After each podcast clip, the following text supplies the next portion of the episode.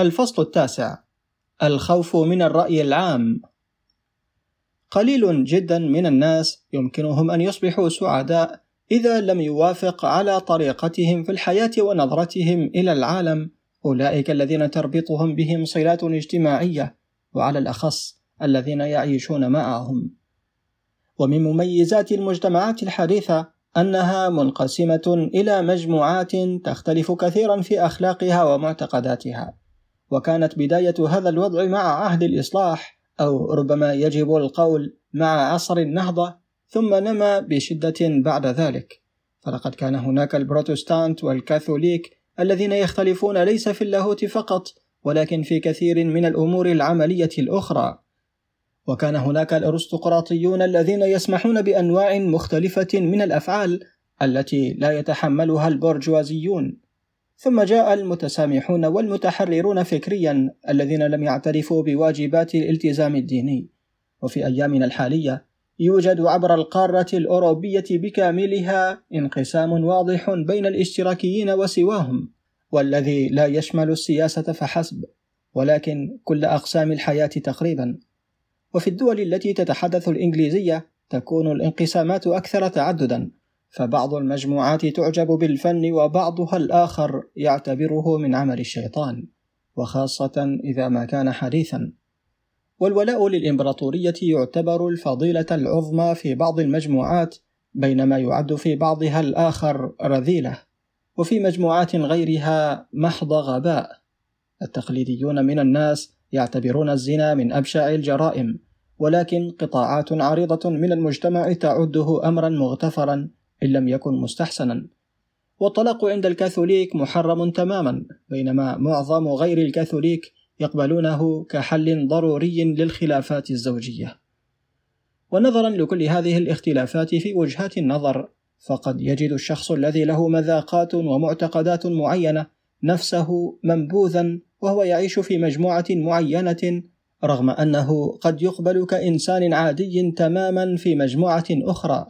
وكثير جدا من التعاسة وعلى الأخص بين الشباب تنشأ بهذه الطريقة.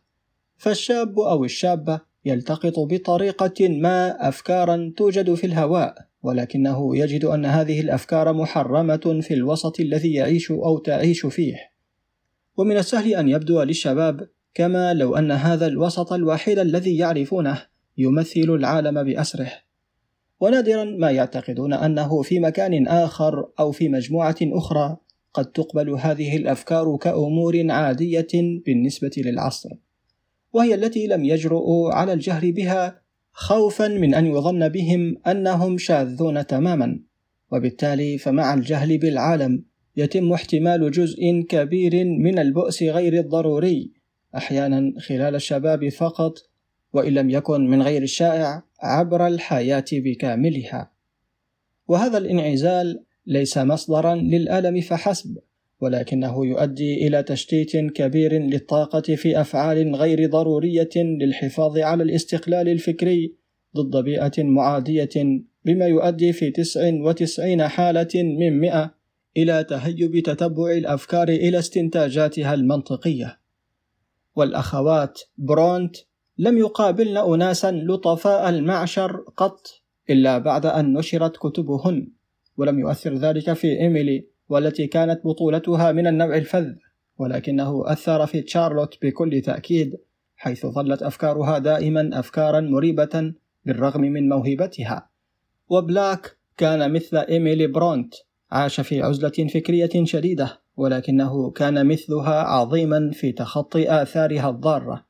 حيث إنه لم يشك مطلقا في كونه على صواب وناقده على خطأ وعبر عن سلوكه تجاه الرأي العام في السطور التالية: الرجل الوحيد الذي عرفته على الإطلاق والذي لم يجعلني على وشك التقيؤ هو فوسيلي الذي كان تركيا ويهوديا معا.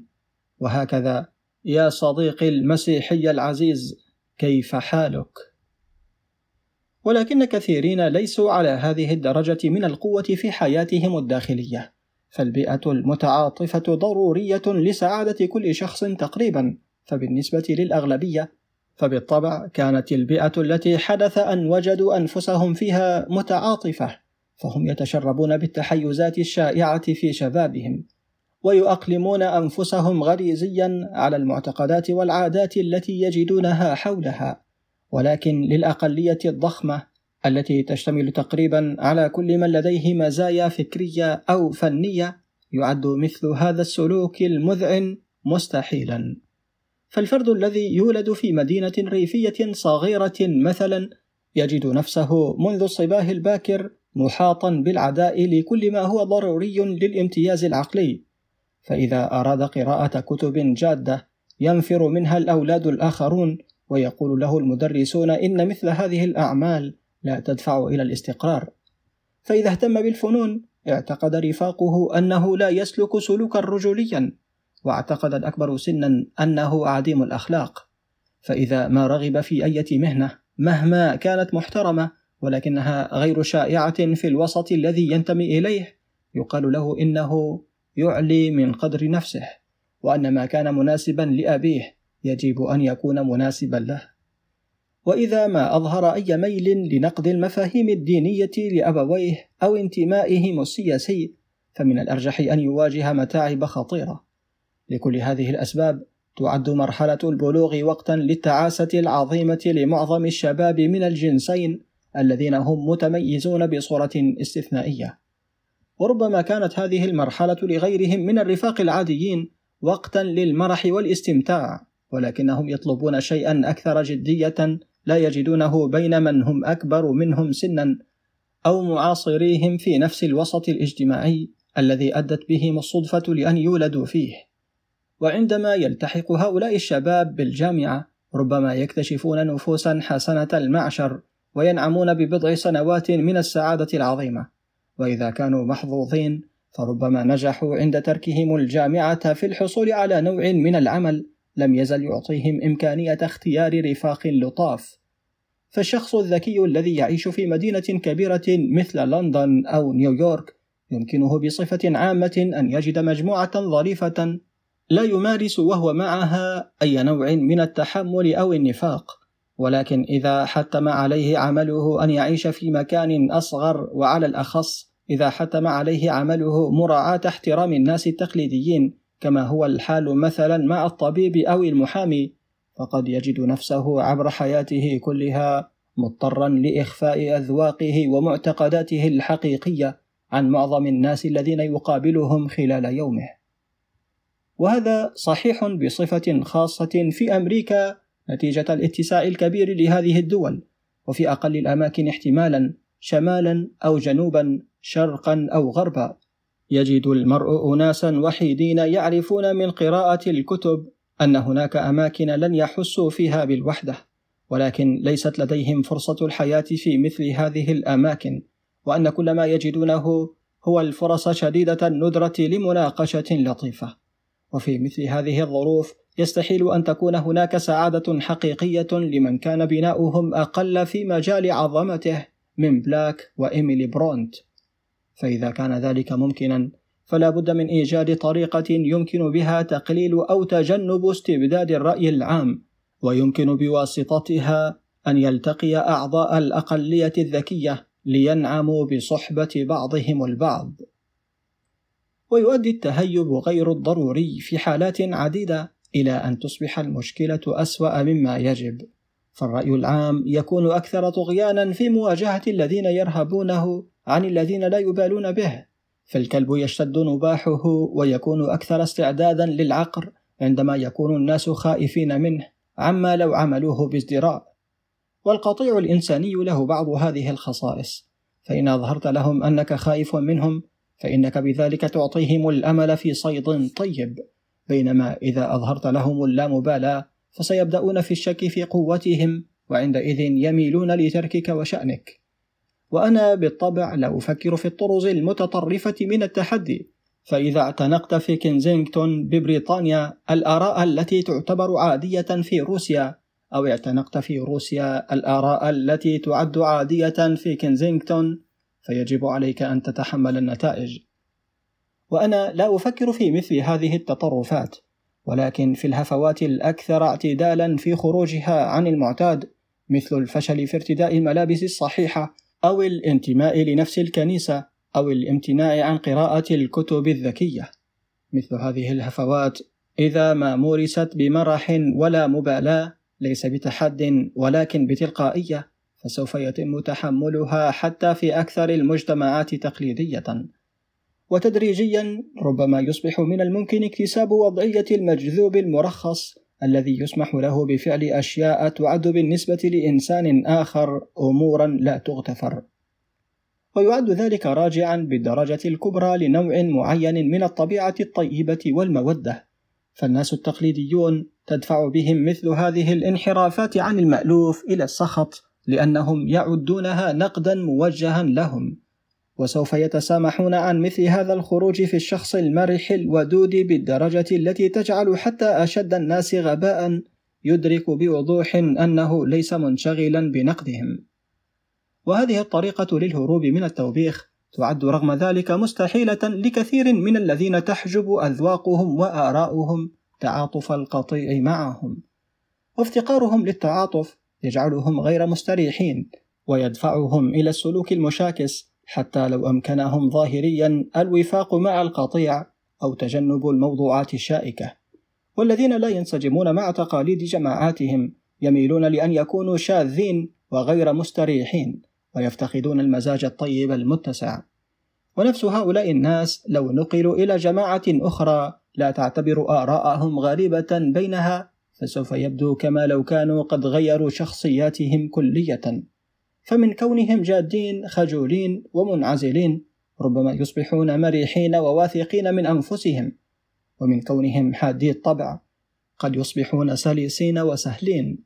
ومن كونهم ذاتيين قد يصبحون اجتماعيين وانتشاريين. فكلما كان ذلك ممكنا فعلى الشباب الذين يجدون أنفسهم غير منسجمين مع ما يحيط بهم أن يحاولوا عند اختيارهم لمهنة ما انتقاء مهنة تعطيهم الفرصة في الرفقة خفيفة الظل حتى ولو أدى ذلك إلى خسارة كبيرة في الدخل. وعادة لا يعرفون أن ذلك ممكنا حيث إن درايتهم بالعالم محدودة جدا. وقد يتخيلوا بسهولة أن التحاملات التي أصبحوا معتادين عليها في وطنهم منتشرة أيضا في العالم على اتساعه. وفي هذا الخصوص يمكن للأكبر سنا تقديم كثير من العون للشباب، حيث إن الخبرة العميقة بالبشر تعد من الأمور المهمة. في أيام التحليل النفسي هذه، من المعتاد افتراض أنه عندما يكون شخص صغير السن غير منسجم مع بيئته فلا بد وأن يكون السبب راجعا إلى خلل نفسي. وفي اعتقادي أن ذلك خطأ بالكامل. افترض مثلا أن شخصا صغير السن له والدان يعتقدان أن نظرية التطور خبيثة. لا شيء سوى الذكاء يكون مطلوبا في مثل هذه الحالة لجعله غير منسجم معهم. فعدم الانسجام مع الوسط المحيط بالشخص يعد بالطبع كارثة ولكنها ليست دائما بالكارثة التي يجب اجتنابها مهما كان الثمن. فإذا كان الوسط المحيط غبيا أو متحاملا أو قاسيا فسيكون من المزايا ألا ينسجم المرء معه. وتتواجد هذه الخصائص بدرجة ما في كل وسط تقريبا. فغاليليو وكيبلر كان لهما أفكار خطيرة كما يقال في اليابان. وكذلك أيضا أكثر الرجال ذكاء في عصرنا هذا. وليس من المرغوب فيه أن تكون الحاسة الاجتماعية قوية النمو لدرجة أن تؤدي بمثل هؤلاء الرجال إلى الخوف من العداء الاجتماعي الذي قد تستفزه آراؤهم. فالمرغوب هو إيجاد الطرق التي تجعل لهذا العداء أبسط وأقل آثار ممكنة. وأهم أجزاء هذه المشكلة يبرز في عالمنا الحديث خلال فترة الشباب فإذا استهل شخص حياته في المهنة المناسبة وفي المحيط المناسب فسوف يستطيع في معظم الأحوال الهروب من الاضطهاد الاجتماعي ولكن لأنه لا يزال صغيرا ولم تختبر ميزاته بعد فهو عرضة لأن يكون تحت رحمة أناس جهلة يعتبرون أنفسهم قادرين على الحكم في أمور لا يعلمون عنها شيئا ويثورون لمجرد اقتراح أن شخصا صغيرا ربما يكون أكثر منهم علما رغم كل خبرتهم بالعالم وكثير من الأشخاص الذين هربوا في النهاية من طغيان الجهل مروا بمعركة شديدة ووقت طويل من الكبت لدرجة الإحساس بالمرارة وتبدد الطاقة. وهناك نظرية مريحة هي أن العبقرية ستجد دائما طريقها. ونظرا لقوة هذه النظرية، يعتبر كثير من الناس أن اضطهاد المواهب الشابة لن يؤدي إلى ضرر كبير، ولا يوجد أي مبرر لقبول هذه النظرية. فهي مثل نظرية أن القتل لا بد وأن يظهر، فمن الواضح أن كل جرائم القتل التي علمنا بها قد اكتشفت ولكن من يعلم كم من جرائم القتل وقعت ولم يسمع عنها أحد. وبنفس الكيفية فكل الأشخاص العباقره الذين سمعنا عنهم على الإطلاق قد انتصروا على الظروف المعاكسة. ولكن لا يوجد مبرر لافتراض عدم وجود عدد آخر كبير استسلم في الصغر. علاوة على ذلك فالقضية ليست العبقرية فحسب ولكن الموهبة أيضا والتي هي مهمة بنفس الدرجة للمجتمع. والقضية ليست في أن تبرز بكيفية ما ولكن في أن تبرز دون ما مرارة وتبدد للطاقة. لكل هذه الأسباب يجب عدم جعل الطريق أمام الشباب شديدة الوعورة. بينما من المرغوب فيه أن يعامل الكبير رغبات الصغير باحترام فليس من المرغوب فيه أن يعامل الصغير رغبات الكبير باحترام. والسبب بسيط وهو أنه في أي من الحالتين فإن حياة الصغير هي موضع الاهتمام وليست حياة الكبير. فعندما يحاول الصغير تنظيم حياة الكبير مثلا بالاعتراض على زواج والد أرمل فالخطأ هنا يعادل الخطأ الخاص بمحاولة الكبير تنظيم حياة الصغير.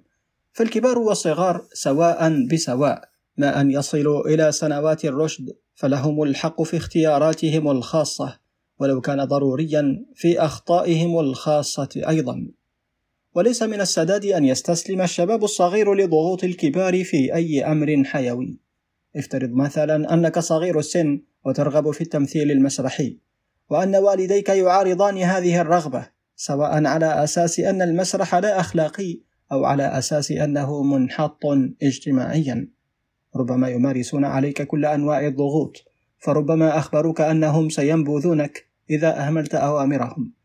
وربما يقولون إنك سوف تندم بالتأكيد بعد قليل من السنوات وربما ذكروا سلسلة كاملة من الأمثلة الفظيعة لشباب كانوا مندفعين في عمل ما تحاول عمله وانتهوا نهاية سيئة نتيجة لذلك. قد يكون الوالدان على حق في التفكير في أن المسرح ليس بالمهنة المناسبة لك، فربما لا توجد لديك موهبة التمثيل، أو ربما كان صوتك رديئا فإذا كان الأمر كذلك فسوف تكشف ذلك بسرعة من رجال المسرح وسيكون الوقت أمامك لا يزال كافيا كي تنشد مهنة أخرى. فإذا نفذت غرضك رغم كل ما يقول والداك فسوف يلينان بسرعة وبسرعة أكبر في الحقيقة عما يعتقدان أو تعتقد. أما إذا وجدت أن رأي الخبراء غير مشجع فسيكون ذلك امرا مختلفا. لأن رأي الخبراء يجب أن يعامل باحترام دائما من المبتدئين.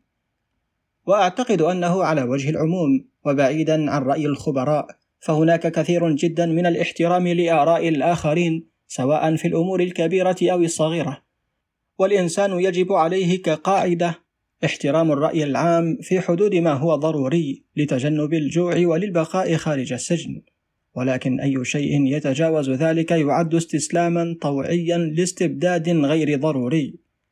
ومن الأرجح أن يتعارض ذلك مع السعادة بكل الطرق الممكنة. خذ مثلا موضوع الإنفاق. فكثير جدا من الناس ينفقون المال في طرق تختلف تماما عن تلك التي تحتمها أذواقهم الطبيعية لمجرد أنهم يحسون أن احترام جيرانهم لهم يعتمد على امتلاكهم لسيارة جيدة.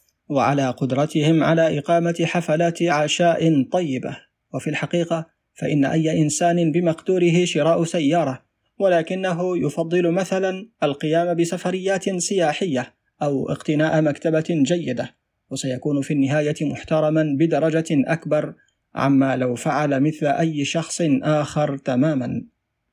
ليس هناك بالطبع أي منطق في تعمد الاستهزاء بالرأي العام، فسيظل ذلك أيضا واقعا تحت سيطرته وإن كان بطريقة مقلوبة. ولكن اللامبالاة الصادقة بالرأي العام تعد مصدر قوة وسعادة معا. والجماعة المكونة من رجال ونساء لا ينحنون كثيرا للأمور التقليدية تعد جماعة أكثر تشويقا من جماعة يسلك كل أفرادها نفس السلوك. فحيثما كانت شخصية كل فرد قد تكونت باستقلال فستبقى الفروق النوعية محفوظة وإنه لمن الأفيد أن تقابل أناسا جددا ليسوا مجرد نسخ مطابقة للذين قابلتهم فعلا. وتلك كانت إحدى مزايا الأرستقراطية فحيثما كانت المكانة تعتمد على المولد فمن المسموح به أن يكون السلوك غير منضبط.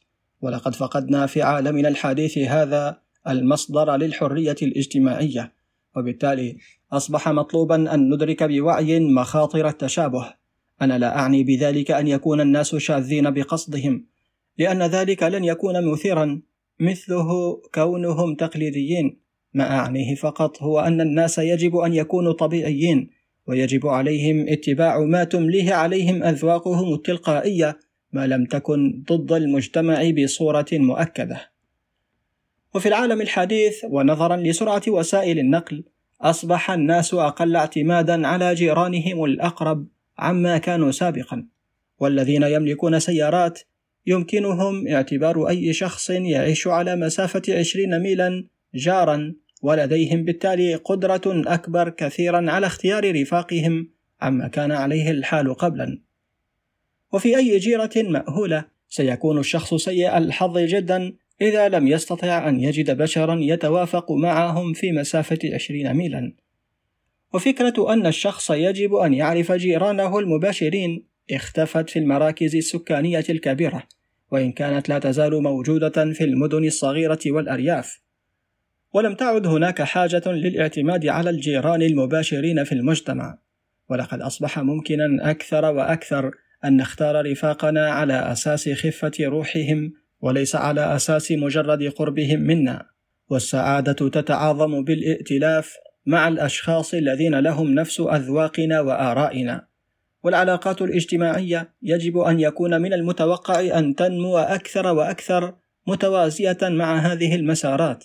ويجب أن نأمل أن تقل تدريجيا بواسطة هذه الوسائل الوحدة التي تصيب الآن كثيرا جدا من الناس غير التقليديين إلى درجة الاختفاء تقريبا وسوف يزيد ذلك من سعادتهم بدون شك ولكنه سيقلل بالطبع اللذة السادية التي يستمدها التقليديون من وضع غير التقليديين تحت رحمتهم ولا أعتقد أن هذه اللذة يجب علينا الاهتمام كثيرا بالمحافظة عليها.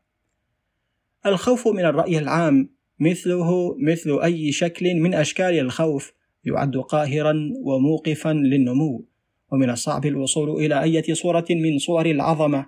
ما ظل هذا الشكل من الخوف قويا، كما يستحيل اكتساب حرية الروح والتي منها تتكون السعادة الحقيقية، حيث إنه من الضروري للسعادة أن تكون طريقتنا في الحياة نابعة من دوافعنا العميقة وليس من المذاقات والرغبات العارضة. لأولئك الذين حدث أن كانوا جيراننا أو حتى أقاربنا.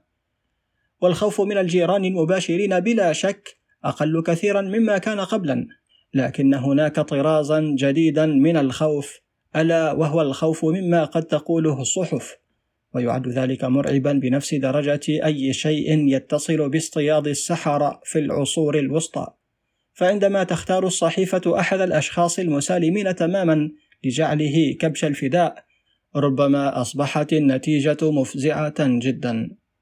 ولحسن الحظ يهرب معظم الناس من هذا المصير نتيجة أنهم غير مشهورين. ولكن كلما أصبحت الدعاية أكثر كمالا وأكثر تنوعا في أساليبها فسيكون هناك خطر متزايد لهذه الصورة الحديثة من صور الاضطهاد الاجتماعي، ويعد هذا أمرا مؤلما جدا عن أن يعامله الذي يقع ضحية له بأنفه، ومهما اعتقد الناس في المبدأ العظيم لحرية الصحافة، فأعتقد أنه يجب رسم الخط الفاصل بوضوح أكثر مما هو عليه عن طريق قانون التشهير، وأن يتم منع أي شيء يجعل الحياة غير محتملة لأشخاص أبرياء حتى ولو فعلوا أو قالوا أشياء تؤدي إلى انخفاض شعبيتهم إذا ما نشرت بطريقة خبيثة. والعلاج الناجح لهذا الشر هو زيادة تسامح الجمهور، وأفضل الطرق لزيادة هذا التسامح هو مضاعفة عدد الأشخاص الذين يتمتعون بسعادة حقيقية لكي لا يكون مصدر سرورهم الرئيسي هو إنزال الألم بإخوانهم من البشر.